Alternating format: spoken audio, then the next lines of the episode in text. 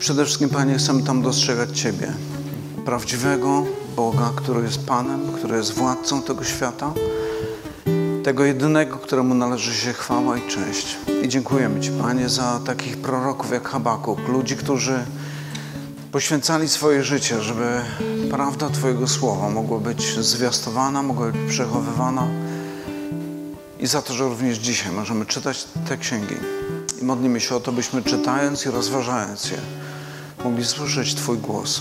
Modlimy się, żebyś przemawiał do nas, byś dotykał naszych serc, byś kruszył to, co jest zatwardziałe, to, co jest brudne, byś wskazywał potrzebę przyjścia do Ciebie z tym wszystkim i znalezienia w Tobie ukojenia, przebaczenia nowego życia. Błogosław, Panie, tą chwilę teraz i bądź uwielbiony we wszystkim. Amen. Księga Habakuka. Oczywiście wszyscy wiedzą, gdzie jest, wszyscy świetnie znają tę księgę, no bo przecież to jest taka popularna bardzo księga. Zacznę od takiego krótkiego wprowadzenia. Znaczy, chodzi mi o to, że ten tytuł, który, e, który jest tytuł dzisiejszego kazania, dzięki Sławku, e, tytuł dzisiejszego kazania, dlaczego Boże milczysz? Dla, dlaczego istnieje tyle zła na świecie? Jest pytaniem, które jest, jest dość popularne, szczególnie dzisiaj ono jest zadawane jako nawet bym powiedział, jako takie agresywne pytanie, które ma zakwestionować wiarygodność chrześcijaństwa i, i to, że to, że Bóg jest godzien w ogóle zaufania. Więc e, powiem e, dosłownie kilka zdań tylko na ten temat. Chodzi mi o to, że współczesny świat zadaje mnóstwo pytań, które mają pozory naukowości i nowoczesności.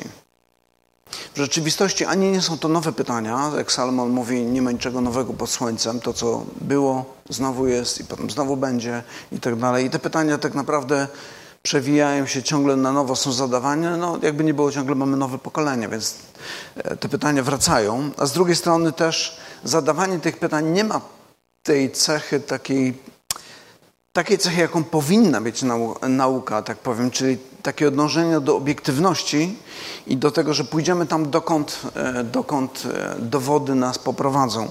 Najczęściej jest tak, że E, w praktyce to wygląda tak, że chcemy, żeby dowody nas doprowadziły tam, gdzie my chcemy się znaleźć, a nie chcemy być tam, gdzie dowody nas prowadzą.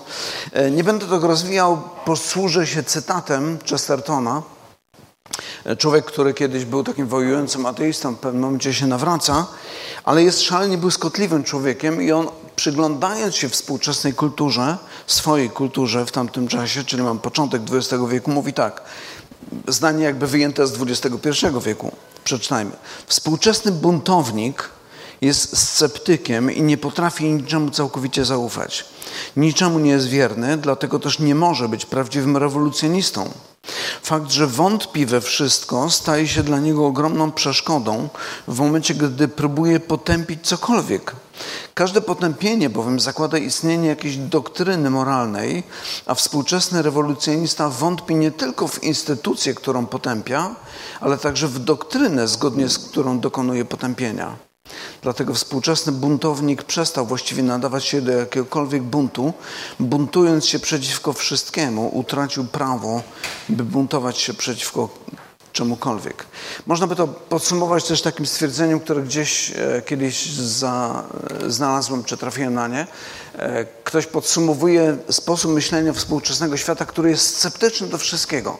Mówi, wasz sceptycyzm jest za nie dość daleko idącym sceptycyzmem.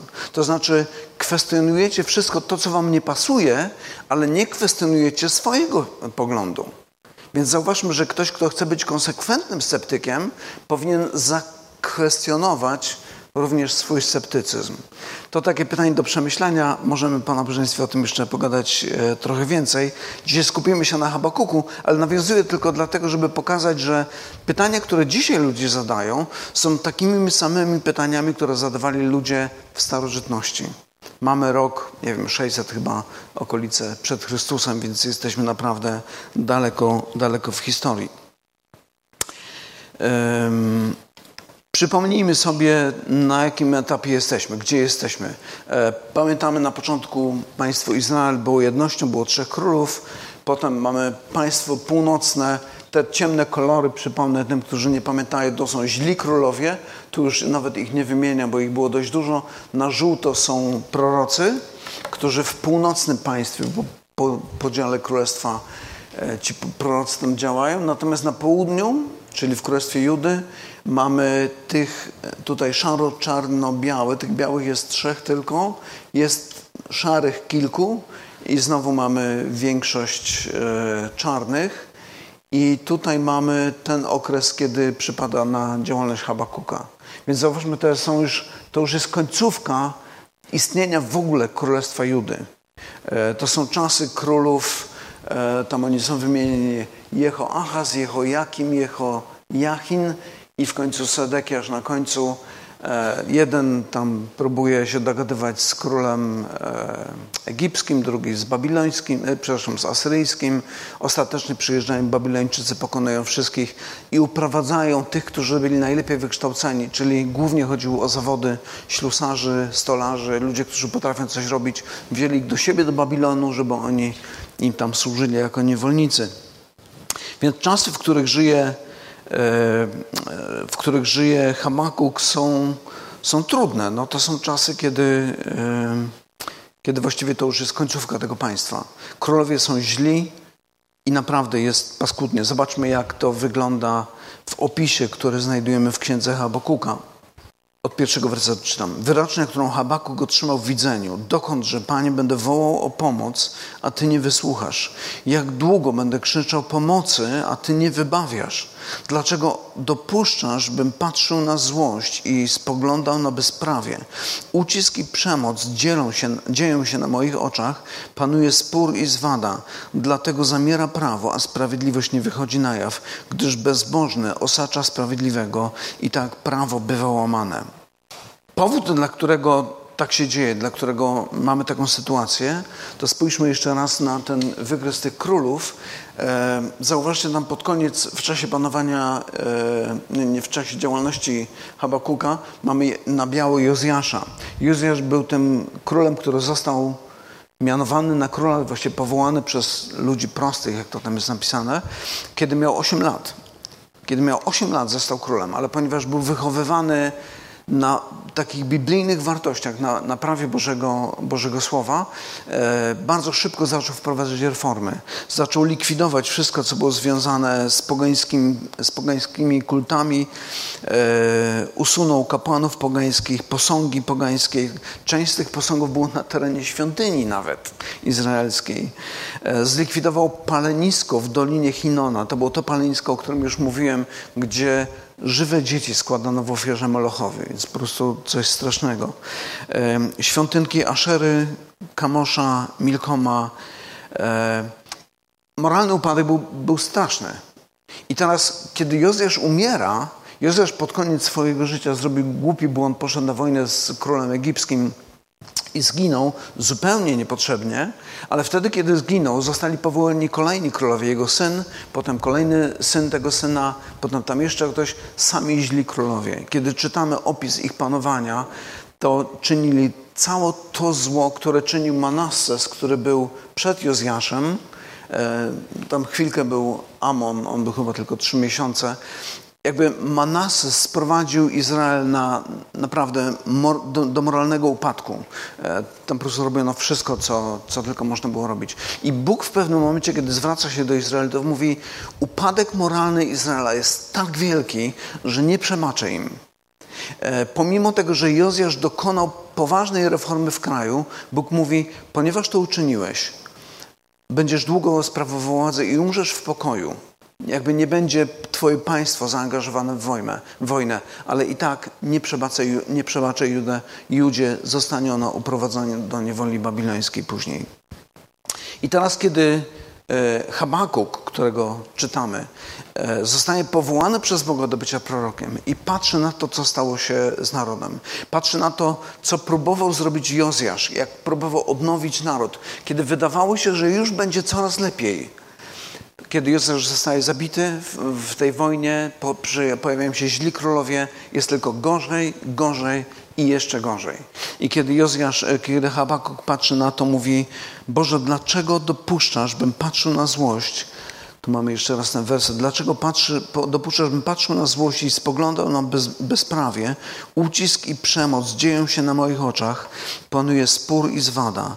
Dla, dlatego zamiera prawo, a sprawiedliwość nie wychodzi na jaw, gdyż bezbożny od, osacza sprawiedliwego i tak prawo było, bywa łamane. Um, Myślę, że tą, tą sytuację można by opisać mniej więcej tak, że gdzieś naród izraelski czy naród Judy e, doszedł już do, do takiego upadku moralnego, że ludzie nawzajem się wspierali w czynieniu zła. E, myślę, że znamy takie pojęcie jak społeczne przyzwolenie.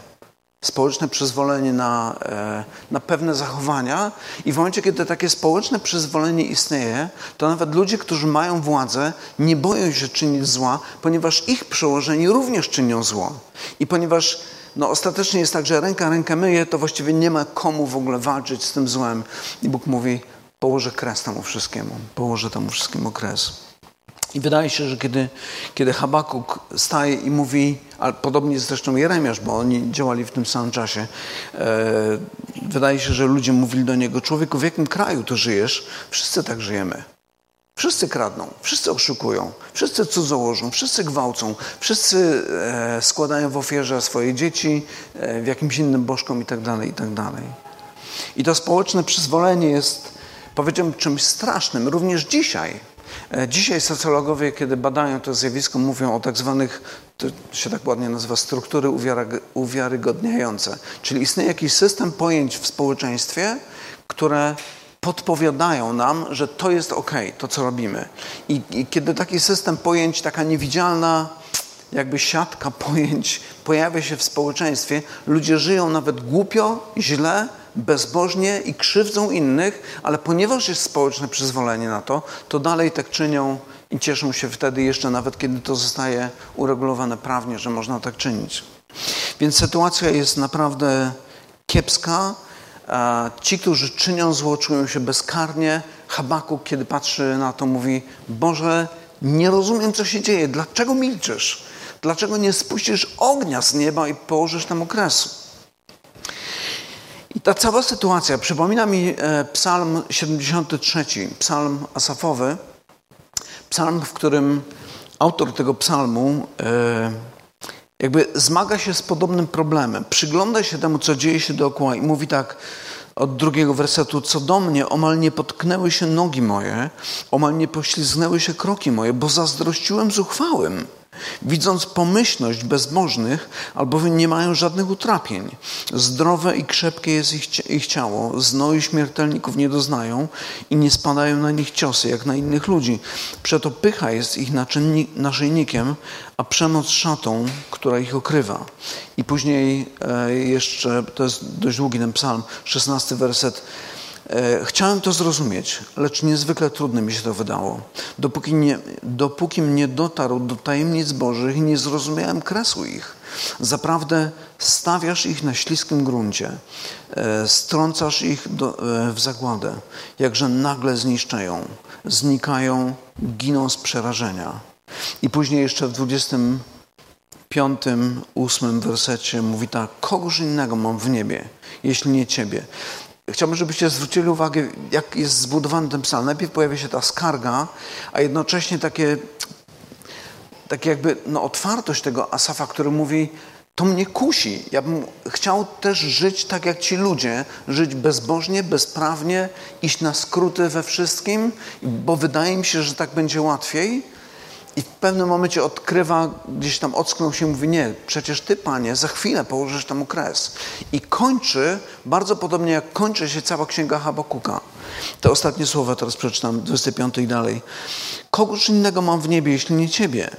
I na ziemi w nikim innym nie mam upodobania. Chociaż ciało i serce moje zamierają, to jednak Bóg jest opoką serca mego i działem moim na wieki bo to ci, którzy oddalają się od Ciebie, zginą. Wytracasz wszystkich, którzy nie dochowują Ci wierności. Lecz moim szczęściem być blisko Boga.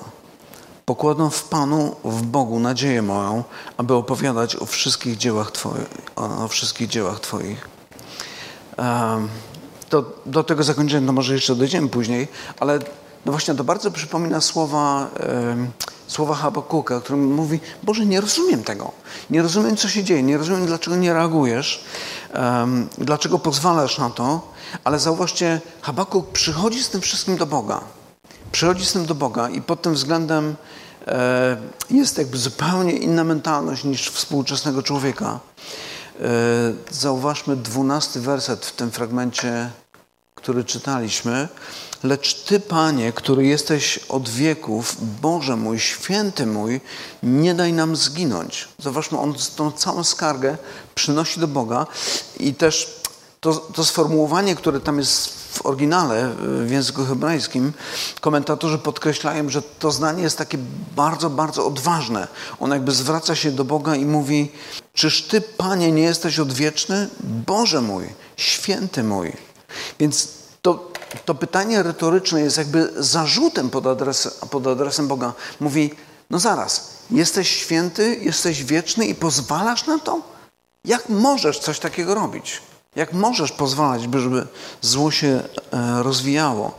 Ale w tym wszystkim mówi Boże mój i święty mój. Więc on cały czas ma w sobie to przekonanie, Bóg jest Bogiem, jest Panem tego świata i jest świętym Bogiem. Świętym Bogiem, który nie może patrzeć na zło. I myślę, że to, tu jest właśnie ta ogromna różnica między Habakukiem i współczesnym człowiekiem. Współczesny człowiek widzi zło dookoła siebie i mówi: co to za Bóg, który pozwala na coś takiego? Mam w nosie takiego Boga, nie wierzę w takiego Boga. Nie chcę w ogóle zawracać sobie głowy, będę sam sobie starym okrętem, żeglarzem i cokolwiek jeszcze. Habakukowi taka myśl nawet przez myśl nie przemknie, przez głowę nie przemknie. Wydaje się, że Habakuk jakby przyjmuje takie założenie, że jeżeli nie potrafię wyjaśnić tego ogromu zła, które mnie otacza, wiedząc o tym, że Bóg istnieje, to cóż dopiero, jeżeli by Bóg nie istniał, jeżeli odwrócę się od Niego, jeżeli zostanę sam. Wtedy naprawdę będzie chaos i wojna właściwie. Więc jeżeli Bóg istnieje, to jaka jest odpowiedź? I odpowiedź, której udziela Bóg, jest odpowiedzią, która, powiedzielibyśmy, przekracza ludzkie pojęcie. W piątym wersecie mówi tak: Spójrzcie, to Bóg mówi teraz, spójrzcie na narody i zobaczcie, Patrzcie ze zdumieniem i trwogą, bo za waszych dni dokonuję dzieła, w które nie uwierzycie, gdy wam ktoś o nich będzie opowiadał. Bo to ja pobudzę Chaldejczyków. Chaldejczycy to inaczej Babilończycy. E, ja pobudzę Chaldejczyków, lud srogi i gwałtowny, który wyprawia się do odległych ziem, aby posiąść sadyby, czyli jakby dzielnice, siedziby E, które do niego nie należą. Jest on okrutny i straszny. On sam ustala prawo przemocy. Jego konie są szybsze niż lamparty, dziksze niż wilki stepowe. Jego jeźdźcy pędzą cwałem z daleka, lecą jak orzeł rzucający się na żer. Każdy z nich przychodzi, aby grabić. Ich twarze są zwrócone na wschód. Biorą jeńców licznych jak piasek. Szydzą z królów, śmieją się z książąt, śmieją się z każdej twierdzy, sypią dookoła wały i zdobywają ją. Potem przychodzą jak burza i mkną dalej, jak ten, kto swoją siłę uważa za Boga. Zobaczcie, co Bóg zamierza uczynić z tym złem, które jest w Judzie. On mówi, to zło, które jest wśród was, pokonam jeszcze większym złem, które najedzie was, na was i was zniszczę. I kiedy Habakuk to słyszy, mówi, nie rozumiem. Nie rozumiem tego. To się po prostu nie mieści w głowie. I Bóg sam zapowiada, mówi, kiedy usłyszysz o tym, co ja zamierzam uczynić, nie będziesz chciał uwierzyć w to. Ponieważ to, co zamierzam uczynić, jest czymś, co żadnemu człowiekowi nie przyszłoby do głowy. Od dwunastego wersetu Zobaczcie, ta druga połowa Habakuk zachodzi w głowę i mówi, Panie, powołałeś ich, aby dokonali sądu? Skało, ustanowiłeś ich, aby wymierzyli karę? Twoje oczy są zbyt czyste, aby mogły patrzeć na zło. Nie możesz spoglądać na bezprawie. Dlaczego jednak przypatrujesz się przewrotnym, milczysz, gdy bezbożny pożera sprawiedliwego? Gdy czyni z ludźmi jak z rybami morskimi. Tu wydaje się, że Habakuk już mówi o tym, co czynią te narody, zarówno Egipt, zarówno Asyria, zarówno Babilonia. Gdyż, gdy czyni z, z ludźmi jak z rybami morskimi, jak z płazami, które nie mają władcy, wszystkie wyciąga wędką, zagarnia je swoim niewodem, zbiera je swoją, w swoją sieć, dlatego raduje się i weseli, dlatego składa ofiary swojemu niewodowi i spala kadzidła swojej sieci, gdyż dzięki nim większa jest jego zdobycz i lepsze jego pożywienie. Innymi słowy, on porównuje te narody, które gwałtem wdzierają się na terytoria innych państw, zabijają ludzi, grabią co chcą. On porównuje ich do wędkarza albo do człowieka, który w sieć łapie ryby i potem, kiedy udaje mu się złapać więcej i więcej tych ryb, zaczyna czcić swoje własne sieci. W psalmach często pojawia się takie sformułowanie: Naszą chlubą nie są konie, nie jest siła wojska, nie są miecze, ale nasz Bóg jest naszą chlubą. Natomiast te pogańskie narody, ich chlubą właśnie są miecze, zbroje, powozy, konie itd., tak itd. Tak I on mówi, zachowują się jak ci, którzy zajmują się połowem ryb, a potem oddają hołd swojej własnej sile tak naprawdę, nie? I zadziwiające jest to, co to, co Bóg mówi, że ci ludzie, którzy są, którzy odrzucili tego prawdziwego Boga, oni będą waszym sądem, oni będą waszymi sędziami, oni was zniszczą. Przez nich dokonam sądu na was, na waszym narodzie. I teraz, kiedy myślimy o tej całej sytuacji i próbujemy znaleźć jakieś odniesienie do, do naszych czasów, spróbujmy pomyśleć o tym w taki sposób, e, jak mówimy czasami o legalizmie i liberalizmie. Z jednej strony mamy ludzi, którzy są zafiksowani na prawie i chcą prawnie wszystko uregulować. Z drugiej strony mamy ludzi, którzy odrzucają wszelkie prawo. Ciekawy przykład mieliśmy, e, to było ile miesiąc, półtora miesiąca temu w Seattle, kiedy grupa takich lewicowych aktywistów postanowiła stworzyć swoje własne państwo. I jedną z pierwszych zasad, które przyjęli, była taka: nie ma policji u nas. To było zaraz po tym, jak to, ten cały ruch, e, życie czarnych się liczy. E, rozpoczął się, oni w Seattle zaanektowali jakby część przecznic i mówili żadnej policji, żadnej policji. U nas będzie pokój, bezpieczeństwo, dobro, dzielenie się wszystkim, co mamy. Potem było jedno zabójstwo, drugie zabójstwo, gwałty, rabunki, napady, aż w końcu mer tego miasta mówi dosyć, koniec, nie da się tak. Co też pokazuje nam, jaka jest ludzka natura. Ale myślę, że kiedy, kiedy myślimy o współczesnych czasach, Zauważcie, że przez cały czas jest walka pomiędzy prawicą i lewicą pod względem moralnym. Jedni uważają, musimy prawnie wszystko uregulować, całą moralność uregulować prawnie. Drudzy mówią, precz z prawem, nie chcemy żadnych e, kagańców nakładanych na nas. Chcemy żyć w wolności, chcemy robić, co nam się podoba. Jedni i drudzy e, szczerzą do siebie zęby, skaczą sobie do gardeł i nie potrafią się ze sobą dogadać. I myślę, że ta sytuacja i myślę, że znaczy on, jakby ta księga przypomina mi o naszej sytuacji i kiedy myślę o naszej sytuacji, w jakiej jesteśmy, nawet jako Polska, chociaż myślę, że pewne elementy tego są obecne na całym świecie, myślę, że dzisiaj jak nigdy wcześniej, znaczy no, powiedzmy za mojego życia, potrzebni są chrześcijanie, którzy rozumieją Ewangelię i powiedzą: Słuchajcie, nie tędy droga. Ewangelia nie jest ani prawicowa, ani lewicowa. Ewangelia uczy zupełnie innego życia.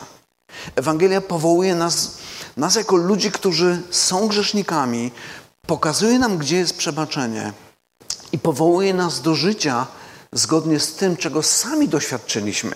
Jeżeli doświadczyłeś ogromu własnego grzechu, ogromu Bożego przebaczenia, to teraz powinieneś żyć tak samo jak to w taki sposób, jak Bóg Ciebie potraktował, teraz Ty powinieneś traktować innych.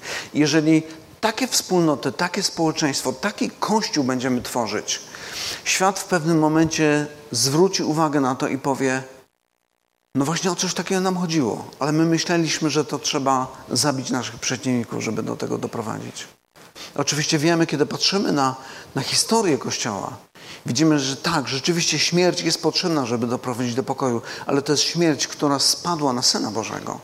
On wziął to na siebie, mówi: Ja za was umrę z powodu waszej głupoty, z powodu waszych grzechów, żebyście mogli doświadczyć czegoś innego, czegoś zupełnie innego niż to, co oferuje ten świat.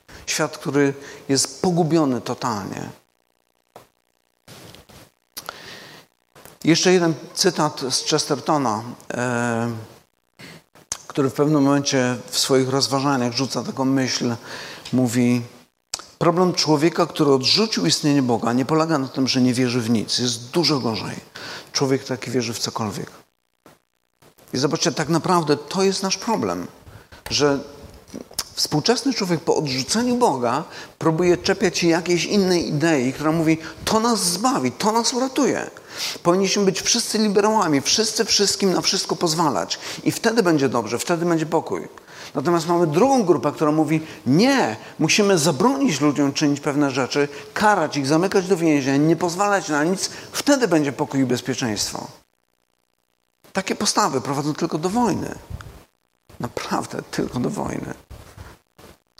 Dzisiaj, jak nigdy wcześniej, Kościół musi wstać i powiedzieć: a my wierzymy w Ewangelię. My głosimy Ewangelię, my żyjemy Ewangelią, my pokazujemy Ewangelię swoim życiem, ponieważ świat tego nie rozumie i bez Chrystusa nie ma możliwości tego zrozumieć. A bez chrześcijan nie jest w stanie tego zobaczyć. Nie jest w stanie zrozumieć nawet, o czym my w ogóle mówimy. Wszystko to przypomina słowa Izajasza Izajasz, kiedy za, zapowiada niewolę, a potem powrót z tej niewoli, mówi tak, bo myśli moje to nie myśli wasze, a drogi wasze to nie drogi moje, mówi Pan. Lecz jak niebiosa są wyższe niż ziemia, tak moje drogi są wyższe niż drogi wasze i myśli moje niż myśli wasze.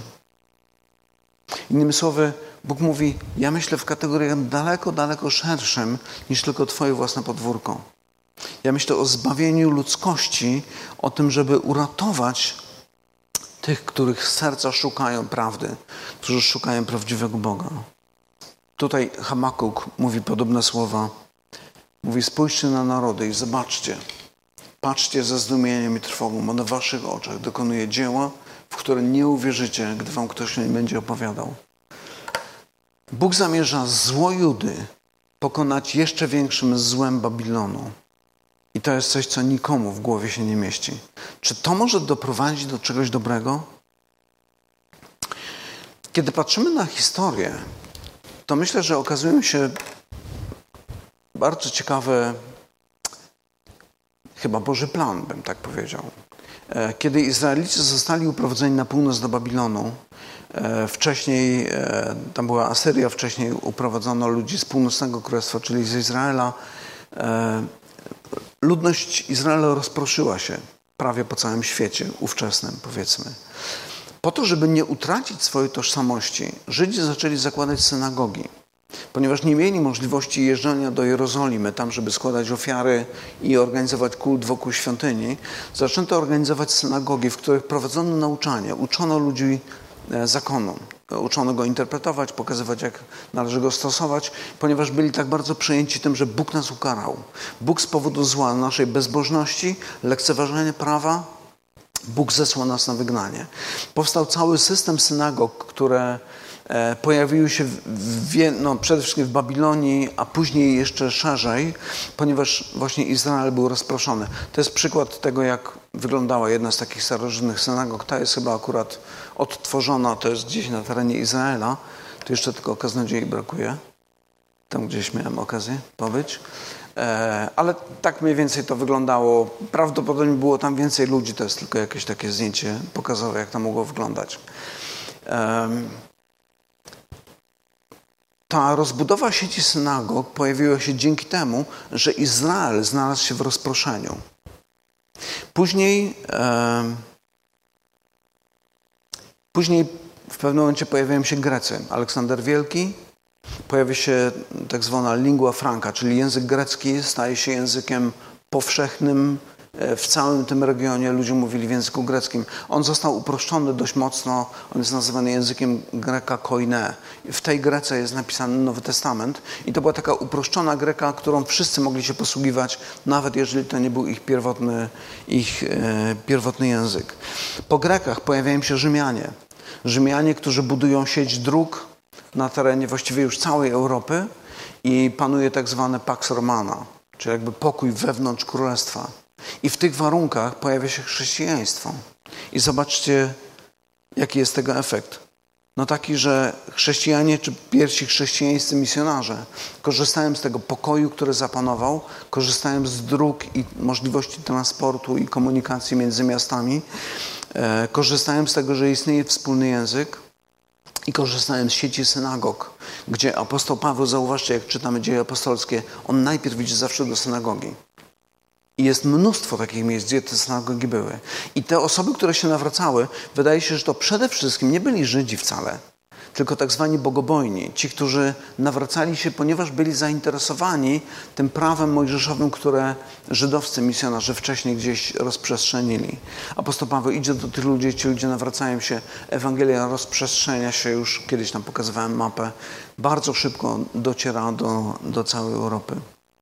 I to jest jeden z przykładów tego, czego Bóg, co Bóg chciał osiągnąć na przestrzeni kilku wieków, ale co Bóg osiąga? Zobaczcie, w momencie, kiedy pojawia się Mesjasz, kiedy kończy się era oczekiwania na Mesjasza, kiedy dokonane zostaje dzieło zbawienia, zaczyna się era misji, Ewangelia ma być zwiastowana, ale Bóg przygotował wcześniej wszystko. Przygotował system synagog, system dróg, Pax Romana, lingua franca i Ewangelia poszła na cały świat. Nie? I kiedy myślimy o Bożych planach, Bożych dziełach, Bożych zamiarach, myślę, że one naprawdę przechodzą ludzkie pojęcie. I w momencie, kiedy Habakuk słyszy o tym, mówi, to ja wyślę Babilończyków, oni dokonają sądu na was. Habakuk mówi, Boże, co ty robisz? Przecież na pewno są jakieś prostsze sposoby. Myślę, że to można zrobić inaczej. Ale Bóg, Boże drogi są wyższe niż nasze. Bóg czyni wszystko po swojemu. Inny przykład e, to tylko taka ilustracja e, Chiny. W pewnym momencie, kiedy komunistyczne władze dochodzą w Chinach do, e, do władzy, komuniści dochodzą do władzy w Chinach, wyrzucają wszystkich misjonarzy zachodnich, protestanckich, katolickich, po prostu won. Chcemy, żeby Chiny były chińskie. Jaki jest tego efekt? No, chrześcijanie zachodni myślą sobie, no to po ptokach. Koniec. Ewangelia w Chinach się nie rozejdzie, bo nas tam nie ma. Nas, misjonarzy, którzy mieli, którzy mieli zbawić Chiny. Jaki był tego efekt? Pomimo tego, że wyrzucono wszystkich misjonarzy, chińskie kościoły zaczęły pracować. Zaczęli wysyłać swoich misjonarzy, chińskich, którzy zaczęli pracować. Dzisiaj Ewangelia w Chinach roz, rozwija się czy rozchodzi prawdopodobnie szybciej niż w jakimkolwiek innym kraju. Więc jakby coś, co w ogóle nam się w głowie nie mieści, patrzymy na historię i myślimy sobie, nie, to, to się na pewno nie uda. Panie Boże, zrobiłeś błąd. No uprzedzam, mówię Ci, zrobiłeś błąd. Lepiej to napraw, bo inaczej nic się w Chinach nie wydarzy. No, myślę, że Pan Bóg wie lepiej i to nie jeden raz. Pamiętacie tą historię na pewno ze Starego Testamentu Józefa, który zostaje zdradzony przez swoich braci, sprzedany do niewoli, oskarżony o jakieś złe czyny, trafia do więzienia i wydaje się, że już nic dobrego z tego nie może wyniknąć.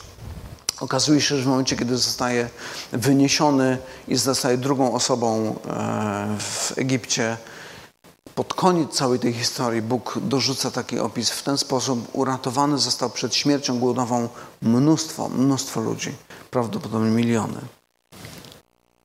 Spójrzcie na narody, mówi Bóg. Zobaczcie, patrzcie ze zdumieniem i trwogą. Bo za waszych dni dokonuje dzieła, w które nie uwierzycie, gdy wam ktoś będzie o nim opowiadał. Co ciekawe, kiedy czytamy Nowy Testament, apostoł Paweł w pewnym momencie wyrusza na ewangelizację. Jest na terenie Turcji, dociera do Antiochii Pizydyjskiej, tam trafia do e, synagogi i mamy jego kazanie, które tam wygłasza, oczywiście pewnie streszczenie jakieś. I w trakcie tego kazania apostoł Paweł cytuje ten fragment.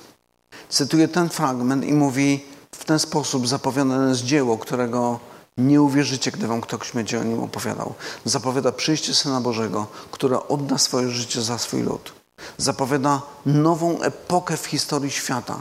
Jakby Księga, Iza- Księga Habakuka zapowiada nam wydarzenia, które same w sobie są zapowiedzią czegoś jeszcze większego, co wydarzy się dopiero na przełomie wieków czy na przełomie epok.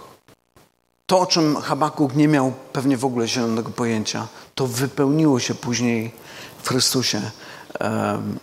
I kiedy apostoł Paweł opowiada, przepraszam, autor listu do Hebrajczyków opowiada o tym w dziesiątym rozdziale 11 e, i 14 werset mówi takie słowa każdy kapłan sprawuje codziennie swoją służbę, składa wiele razy te same ofiary, które nie mogą w ogóle zgładzić grzechów. To był ten system, który obowiązywał do, do wtedy.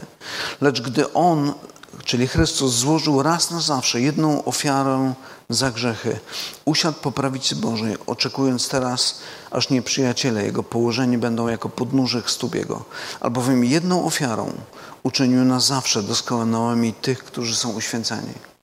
Zobaczcie, że to całe wydarzenie za czasów Habakuka wskazuje na coś daleko, daleko większego.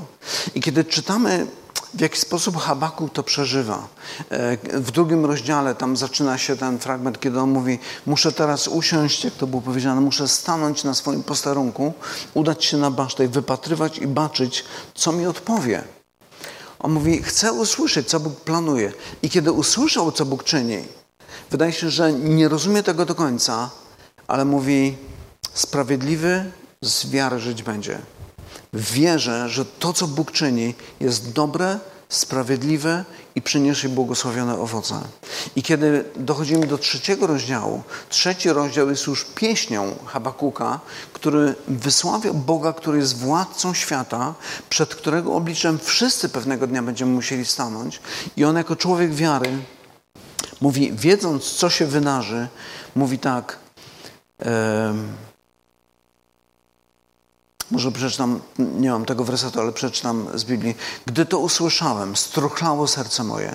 Na wieść o tym drgnęły wargi moje. Lęk śmiertelny przeszł moje członki, a kolana zachwiały się pode mną. Mam na myśli tą wizję tego, co się wydarzy, kiedy Babilończycy najadą.